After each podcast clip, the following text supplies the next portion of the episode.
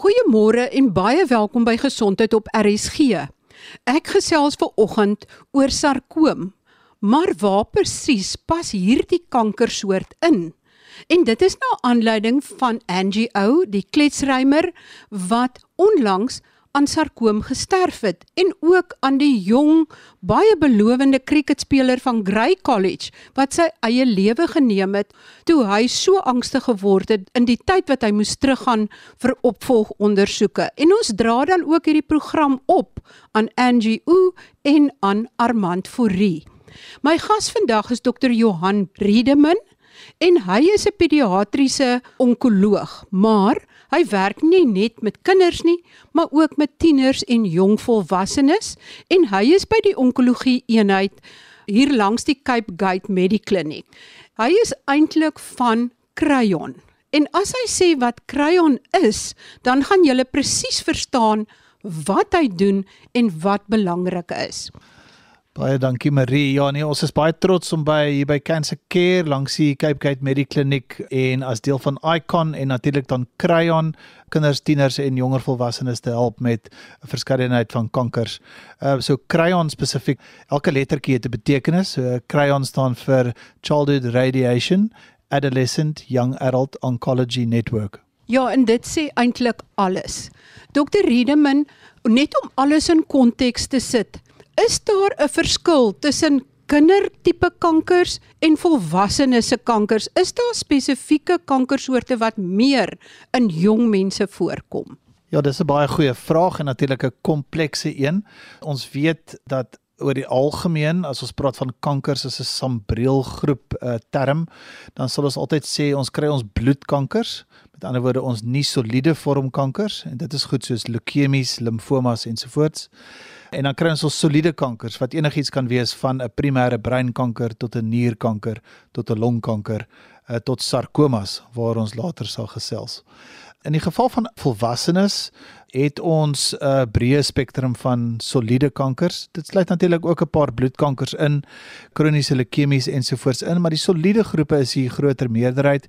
En dan kyk mens natuurlik soos lewenstyl siektes, ehm um, siektes wat gedeeltelik oor erflik is waar daar 'n familiele komponent is, borskankers, longkankers, blaaskankers, daai tipe uh, forme van maligniteite. In kinders is dit 'n is dit 'n bietjie anders. Die spektrum is definitief verskillend en selfs die spektrum tussen uh, eh, 0 tot 9 jaar, 9 tot 19 en 19 tot 39 wat ons dan nou respektiewelik as die drie groepe opdeel in Crayon. So jou heelwat kleiner kinders sal tipies siektes kry wat 'n uh, oorsprong het by 'n stamsel komponent. Dan sal ons baie keer praat van 'n uh, blastoma en 'n klassieke voorbeeld is 'n medullablastoma wat 'n vorm van primêre breinkanker is. Dis nie noodwendig iets wat geërf is by mamma en pappa nie, maar dit het sy oorsprong by van die selle wat oorspronklik genereer van die van die embrionale fases af. En dan in jou volgende groep kankers in tieners sien ons geweldig baie sarkomas. Sarkomas is soos ons later oor sal gesels, 'n sagte weefsel, bindweefsel kankers. Dit kan enigiets wees van 'n sagte weefsel weefselkanker van die vetweefsel, ligamente, tendons, bloedvate ensovoorts.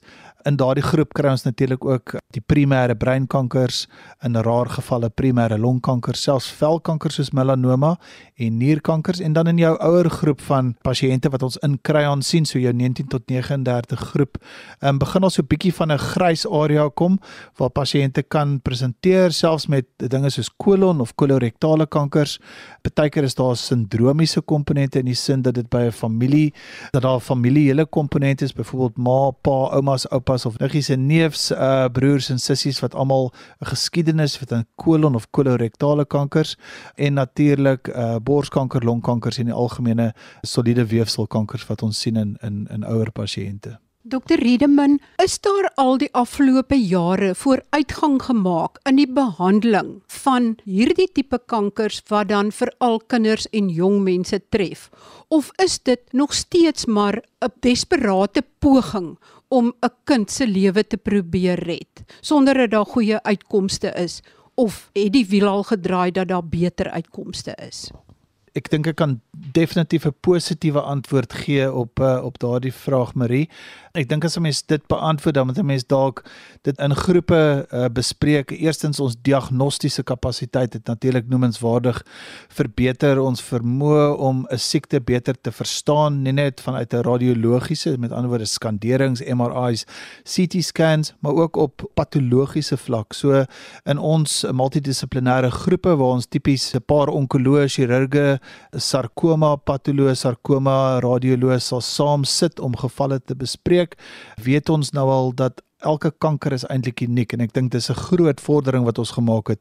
Elke kanker is uniek in die sin dat hulle elkeen eintlik hulle eie molekulêre vingerafdruk of genetiese vingerafdruk het.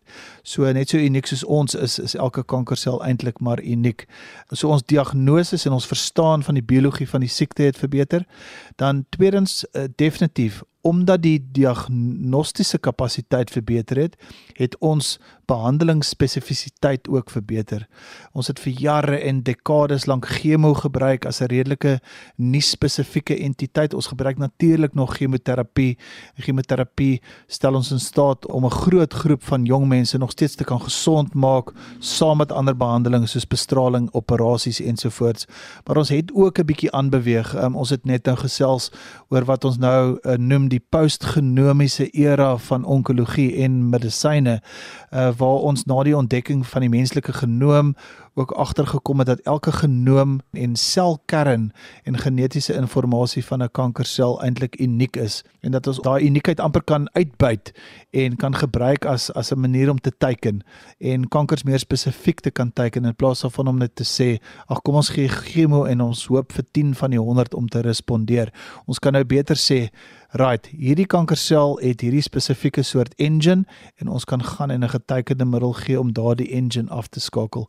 En natuurlik van 'n behandelingsperspektief is ons nou ook in die era van immuno-onkologie, immunoterapie en immunoterapie is medisyne wat ons kan gee om elke persoon se eie immuunstelsel te herkondisioneer en te leer om daardie persoon se kankerselle raak te sien en dan te beveg. Ek dink daai is die twee groot dinge wat verander het. Ons bestralingskapasiteite het het 'n dramatiese veranderinge ondergaan. Ons kan nou baie gevorderde driedimensionele en vierdimensionele bestraling doen. Uh, Engels het 'n baie mooi woord, ons praat van conformal radiotherapy. En conformal beteken letterlik jy jy shape en jy shift en jy vervorm amper jou stralingsarea na die vorm en die geografie van die area waar dit in in die liggaam voorkom. Met ander woorde, ons kan die die teiken baie beter tref teen 'n baie hoër dosering en ons kan die omringende goeie organe al die mooi goed wat nie beskadig moet word deur bestraling nie kan ons dus beskerm. Ons chirurgiese kapasiteite het astronomiese vooruitgang ondergaan en natuurlik dan na al hierdie multidissiplinêre behandelings is iets wat ons noem in Engels survivorship. 'n Survivorship is krities belangrik want ons kinders wat deur behandeling gaan en op die oud gesond word of baie keer nie, gaan aan en hulle moet aanhou leef. Hulle moet in koöperasie en herinskakeling in gemeenskap terug by die werk, vriende. Dit gaan oor fertiliteit, dit gaan oor persoonlike verhoudings, dit gaan oor sport, dit gaan oor om aan te gaan met jou lewe afgesien van 'n siekte wat soms groot hartseer kan veroorsaak. As jy dan 'n groot multidissiplinêre span is en elkeen kyk na sy spesifieke spesialisgebied wat die behandeling betref, trek julle dan ook sielkundiges of psigiaters in om eintlik met die hele gesin te werk?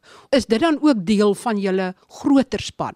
Absoluut. Ek wil amper sê een van die mees kritieke aspek van die hantering van die kind, die ouers, die ander kinders by die huis, die gesonde kinders, familie en die omringende omgewing tydens die akute fase van die kind se diagnose die binnendring fase van behandeling en dan die voltooiing van behandeling en dan op die ouens soos ek gesê het survivorship. So ons kan nie sonder spesialiste in die veld van kinderpsigiatrie, tienerpsigiatrie, familiepsigiatrie sal ons nie kan oorleef nie.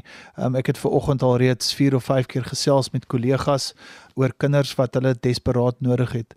Mamas en pappas wat dalk miskien nie elke dag kan alles tolereer nie. 'n Kind wat nie elke dag alles to kan tolereer nie. 'n Kind wat eintlik wil speel maar elke dag moet kom vir bestraling vir 6 weke lank sit met neeweffekte van behandeling. Nie noodwendig lus is om te speel nie. So die insidensie, die voorkoms van psigiatriese probleme in kinders en in versorgers van kinders word dramaties onderskat. Daar's baie mooi literatuur wat vir ons sê dat dat enige kind of tiener uh, met 'n diagnose van kanker se risiko om angs en psigiatriese en depressiewe steurings het is tussen 70 en 80%. Ons moet sorg vir hierdie mense. Dit, dit is deel van die pakket.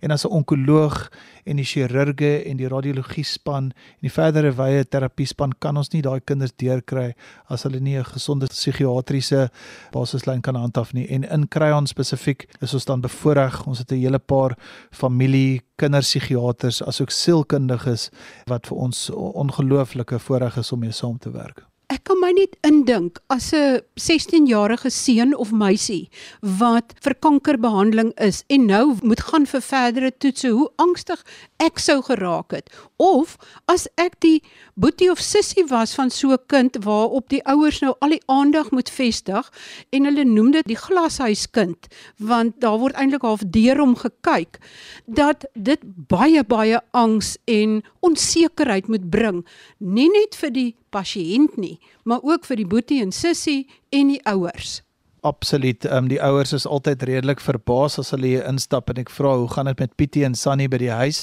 en nie onmiddellik fokus op die kankerpasiënt wat hulle kind is wat hier voor my sit nie, maar ek dink die punt wat ek altyd probeer maak daardeur is dat wat voor ons is is geweldig belangrik, maar wat by die huis is en in ons privaat lewe, die tyd wat ons nie hier by die eenheid is nie, is is net so belangrik. As jy gaan kyk na die literatuur ook, ons weet dat die die kinders, die boeties en sissies van kinders wat gediagnoseer word met kanker, se risiko om akademiese agteruitgang te ervaar is baie prominent. Om sosiale agteruitgang die risiko vir tieners om dwelms te begin gebruik adolessente swangerskappe agteruitgaan in skool die kans om in universiteite uit te kom raak al hoe kleiner soos wat 'n siek boetie of 'n siek sussie amper die huis begin oorneem uh, en mamma en pappa se tyd begin oorneem en basies 'n verlate spesies raak in die huishouding en vergeete raak. Dis geweldig hartseer om te sien en dis iets waarvoor ons veg saam met ons psigiaters en sielkundiges. Kom ons skuif oor na die kliniese beelde. Net in groter konteks, wat is daai gevaartekens waarop ouers of dan selfs tieners self moet let wat dalk 'n aanduiding kan wees dat hulle moet getoets word of 'n dokter moet besoek want dit kan dalk kanker wees? As ons miskien nou die sarkoom kan gebruik as voorbeeld want baie keer is dit moeilik om daai vraag te beantwoord want elke kanker het maar sy unieke manier hoe hy presenteer en as 'n mens na 'n breinkanker kyk dan is baie van die simptome is neurologies van aard. As mens nou praat van 'n sarkoom en ons het gesê sarkomas is sagte weefselkankers wat teoreties enige plek in 'n mens se liggaam kan voorkom, is dit baie keer algemene goeters, obvious goeters, né? Ehm um, dit kan goed wees soos die swelling van 'n been, pyn in 'n knie, lae rugpyn in 'n kind. Daai is wat ons noem rooi vlaggies. Dit moenie gebeur nie. Daai lokale simptome wat jou laat bekommerd raak oor 'n kind se beweging, 'n kind wat mank is in die afwesigheid van trauma, in die afwesigheid van 'n sportbesering of 'n maatjie wat hulle seer gemaak het. 'n Kind met heupprobleme, 'n kind met eensydige visieverlies, 'n kind met 'n massa in die keel, 'n kind met respiratoriese komplikasies. Ons moet altyd in so 'n kind gaan vra, is daar nie dalk 'n kanker nie en in daai geval is dit dalk 'n sagte weefselmassa en indien wel, is dit dan 'n kanker of is dit 'n 'n nie kwaadaardige gewas want dit kry ons ook in kinders. Ons kry heelwat uh, gewasse in kinders wat nie noodwendig kanker is nie. Hulle is amper pre-kankers of hulle is benigne letsels. Met ander woorde is nie kanker nie maar hulle gedra hulle self baie keer soos kankers en kan lokaal in daardie setel waar hulle sit byvoorbeeld soos 'n desmoid fibromatose wat 'n vreeslike woord is vir 'n groeisel in 'n spiermassa vreeslik pyn en lokale probleme kan veroorsaak en amper 'n bietjie soos 'n kanker hanteer word. So daai is die lokale simptome waarvoor mense gewoonlik kyk en natuurlik ongelukkig baie keer selfs in eerste wêreldse lande sien mense 'n laat diagnose diagnoses van sagte weefselkankers wat geassosieer word met met metastatiese siekte of stadium 4 siekte waar 'n kind of 'n tiener vir die eerste keer by 'n dokter uitkom waar daar klaar kolletjies is in die long en dan gaan dan mens natuurlik respiratoriese probleme, asemhalingsprobleme, vog op die longe um, of verspreiding na ander beengroepe, verspreiding na lewer, verspreiding na ander uh, areas van die liggaam. So dan praat ons van konstitusionele simptome en hulle kan baie keer dinge hê soos groei agteruitgang. In Engels het hulle 'n mooi woord vir al die kleiner kindertjies praat ons van failure to thrive. En daai kind wat eintlik veronderstel is om met sy maatjies buite te speel en goed te doen op skool en sport te doen en hy begin gewig verloor, hy wil nie eet nie, hy's 'n bietjie somber. Daai is 'n klassieke prentjie van 'n kind wat deur 'n kroniese siekteproses gaan En in in die Wes-Kaap as so iets gebeur dan sê ons die kind te TB. Um, en baie keer is dit die geval. Dit is 'n kroniese siekte wat ons pragtig kan behandel, maar ons moet versigtig wees want dit is nie altyd TB of iets anders nie. Partykeer is dit 'n kanker en ons hou ons oog op dit. Jy het gesê daar's verskeie tipes sarkoom en dat elke soort eintlik maar individueel is en selfs dieselfde soort in verskillende kinders eintlik nooit 100% dieselfde is nie. As jy rofweg moet sê, Hoe groot word 'n sarkoom voordat hy versprei of versprei al van sy eerste seldeling af? En het hy spesifieke plekke waarna toe hy versprei of versprei hy na die naasliggende weefsel toe? Ek is altyd mal oor om daai vraag te kry, maar ek kry ook 'n bietjie bewerasies in my eie bene af as ek dit kry want dit is 'n baie moeilike vraag. Dit hang alles af van die tipe sarkoom en ons het nou net gesê ons kry nou honderde verskillende soorte sarkomas. So waar ons gewoonlik begin om te sê hoe aggressief lyk die ding, sal ons praat van gradering. Nou mense verstaan dit baie keer verkeerd.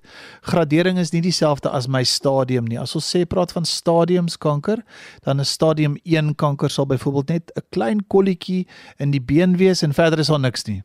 As ons praat van 'n stadium 3 kanker, dan sal hulle sê dis 'n kolletjie in die been, maar nou sit daar 'n klier in die lies. En dan met 'n stadium 4 kanker praat ons van waar die kanker dit reg gekry het om na 'n long of 'n lewer of 'n ander been toe te versprei. So dis die stadium gradering van kanker is iets anders. Dit is wat die patoloog, die man deur die mikroskoop kan sien en hy kan sê hoe aggressief lyk hierdie kankerselletjies? Lyk hulle vinnig groeiend? Middelmatig of stadig of baie stadig of selfs nie eers kankeragtig nie maar pre-kankeragtig. So afhangende van dit kan daai selle dan 'n aggressiewe neiging hê om lokale probleme te veroorsaak. En as jy na 'n sarkoom kyk wat byvoorbeeld in 'n spiergroep sit of in 'n beengroep sit, kan hulle natuurlik as hulle deur daai groep versprei, die been laat breek, die omhulsel van die spier laat bars geweldige hoeveelheid pyn veroorsaak, swelling veroorsaak ensovoorts. Nou natuurlik ons hele liggaam, ek sê altyd vir die pasiënte, ons hele liggaam is eintlik een groot sprinkler stelsel in die sin van dat alles is gekonnekteer met mekaar en spierkompartemente, bene, liggaamsdele, organe kommunikeer met mekaar deur limfaatjies en bloedvaatjies. Nou as van hierdie aggressiewer variante sarkoom dit reg kry om in 'n bloedvat in te klim of in 'n limfaatjie in te klim, dan gaan hulle op die einde regkry om te kan versprei. Nou aan die begin praat 'n mens van mikroskopiese siekte. Dit beteken as ons 'n mikroskoop in jou bloedvat kan indruk, dan gaan ons daai saadjie daar kan sien, maar ons gaan hom nie kan sien op 'n skandering nie. Ons gaan nie 'n CT scan of 'n MRI of enige scan kan doen om daai ding raak te sien nie, maar ons weet op mikroskopiese vlak is daai saadjie teenwoordig en hy is op pad ergens heen. Nou dit is waarvoor ons dinge soos chemoterapie, sistemiese behandeling nodig het. Dis die groot verskil tussen die sarkoma en in die algemene onkologie wêreld waar ons praat van lokale behandeling wat iets soos chirurgie en bestraling is of sistemiese behandeling. En die sistemiese behandeling is dinge soos chemo, getekende middels, immunoterapie. Met ander woorde, amper 'n behandeling van kop tot tone via jou sprinklerstelsel as hier 'n kind inkom of as jy vermoed dat dit daar kanker is, dan doen jy eerste bloedtoetse. Doen jy 'n eerste biopsie as dit chirurgies verwyder moet word? Moet hy nog in 'n kapsel wees voordat jy besluit hy word chirurgies verwyder? En hoe stel jy vas of dit al versprei het? Die patoloog kan onder die mikroskoop sien ja, dit is 'n vinnig verdelende kanker, maar doen jy 'n tipe skandering of hoe stel jy dit vas? Ja, so pasiënte sal gewoonlik hier by my aankom reeds met 'n diagnose. Ehm um, dit sal gewoonlik voor die tyd bespreek word met my en met ons span van spesifiek nou sarkoma of kry aan dokters en ons sal voor die tyd besluit op grond van die kliniese beeld met ander woorde wat mamma, pappa of die pasiënt dan die ouer pasiënte dan vir onsself sê. Op daai stadium wanneer daar vermoede is van 'n kanker of 'n groeisel of dit nou kwaad of nie kwaadaardig is nie, sal daar 'n skandering gedoen word. Dan praat ons van die indeks skandering. Baie keer is dit iets eenvoudig soos 'n borskas ekstraal. Dit sal dan opgevolg word deur 'n sonar. Um, en as daar nog steeds onsekerheid is, sal 'n mens aanbeweeg en 'n bietjie meer gevorderde skandering doen soos 'n CT scan of 'n MRI. So MRI's gebruik ons gewoonlik in sarkoma velde omdat dit 'n superieur anatomiese detail vir ons kan gee. En as daar enigstens twyfel oor oor die identiteit van 'n massa in 'n been of 'n arm of 'n bors of of waar ook al is, dan sal die span besluit oor die benadering tot biopsie. Dit is 'n ongelooflike belangrike ding in sarkoma wêreld en ons het amper op 'n veld toe gegaan op 'n stadium om net vir ons kollegas en mense van hier tot Timbuktu te probeer leer dat ons druk nie net naalde in enigiets in nie. Ons sny nie net dinge uit nie. Ons bespreek dit met ons sarkoma kollegas. Dis belangrik want ons weet as die naald byvoorbeeld vir biopsie doeleindes teen 'n verkeerde hoek ingedruk word en daai hoek van die naald se traktus of kanaal is nie noodwendig in die chirurgiese bed waar die chirurg gaan opereer nie, dan kan ons van daai kankersaadjies kry wat in daai traktus afbeweeg. Ons praat van tract seeding en op die ount word daai area onbehandeld geraak en dis daai saadjies wat juis in ons sprinkstelsel kan inglip en vir jou dan 'n uh, uitspreiding gee na ander areas toe. So dis 'n geweldige multidissiplinêre proses reg van die begin af.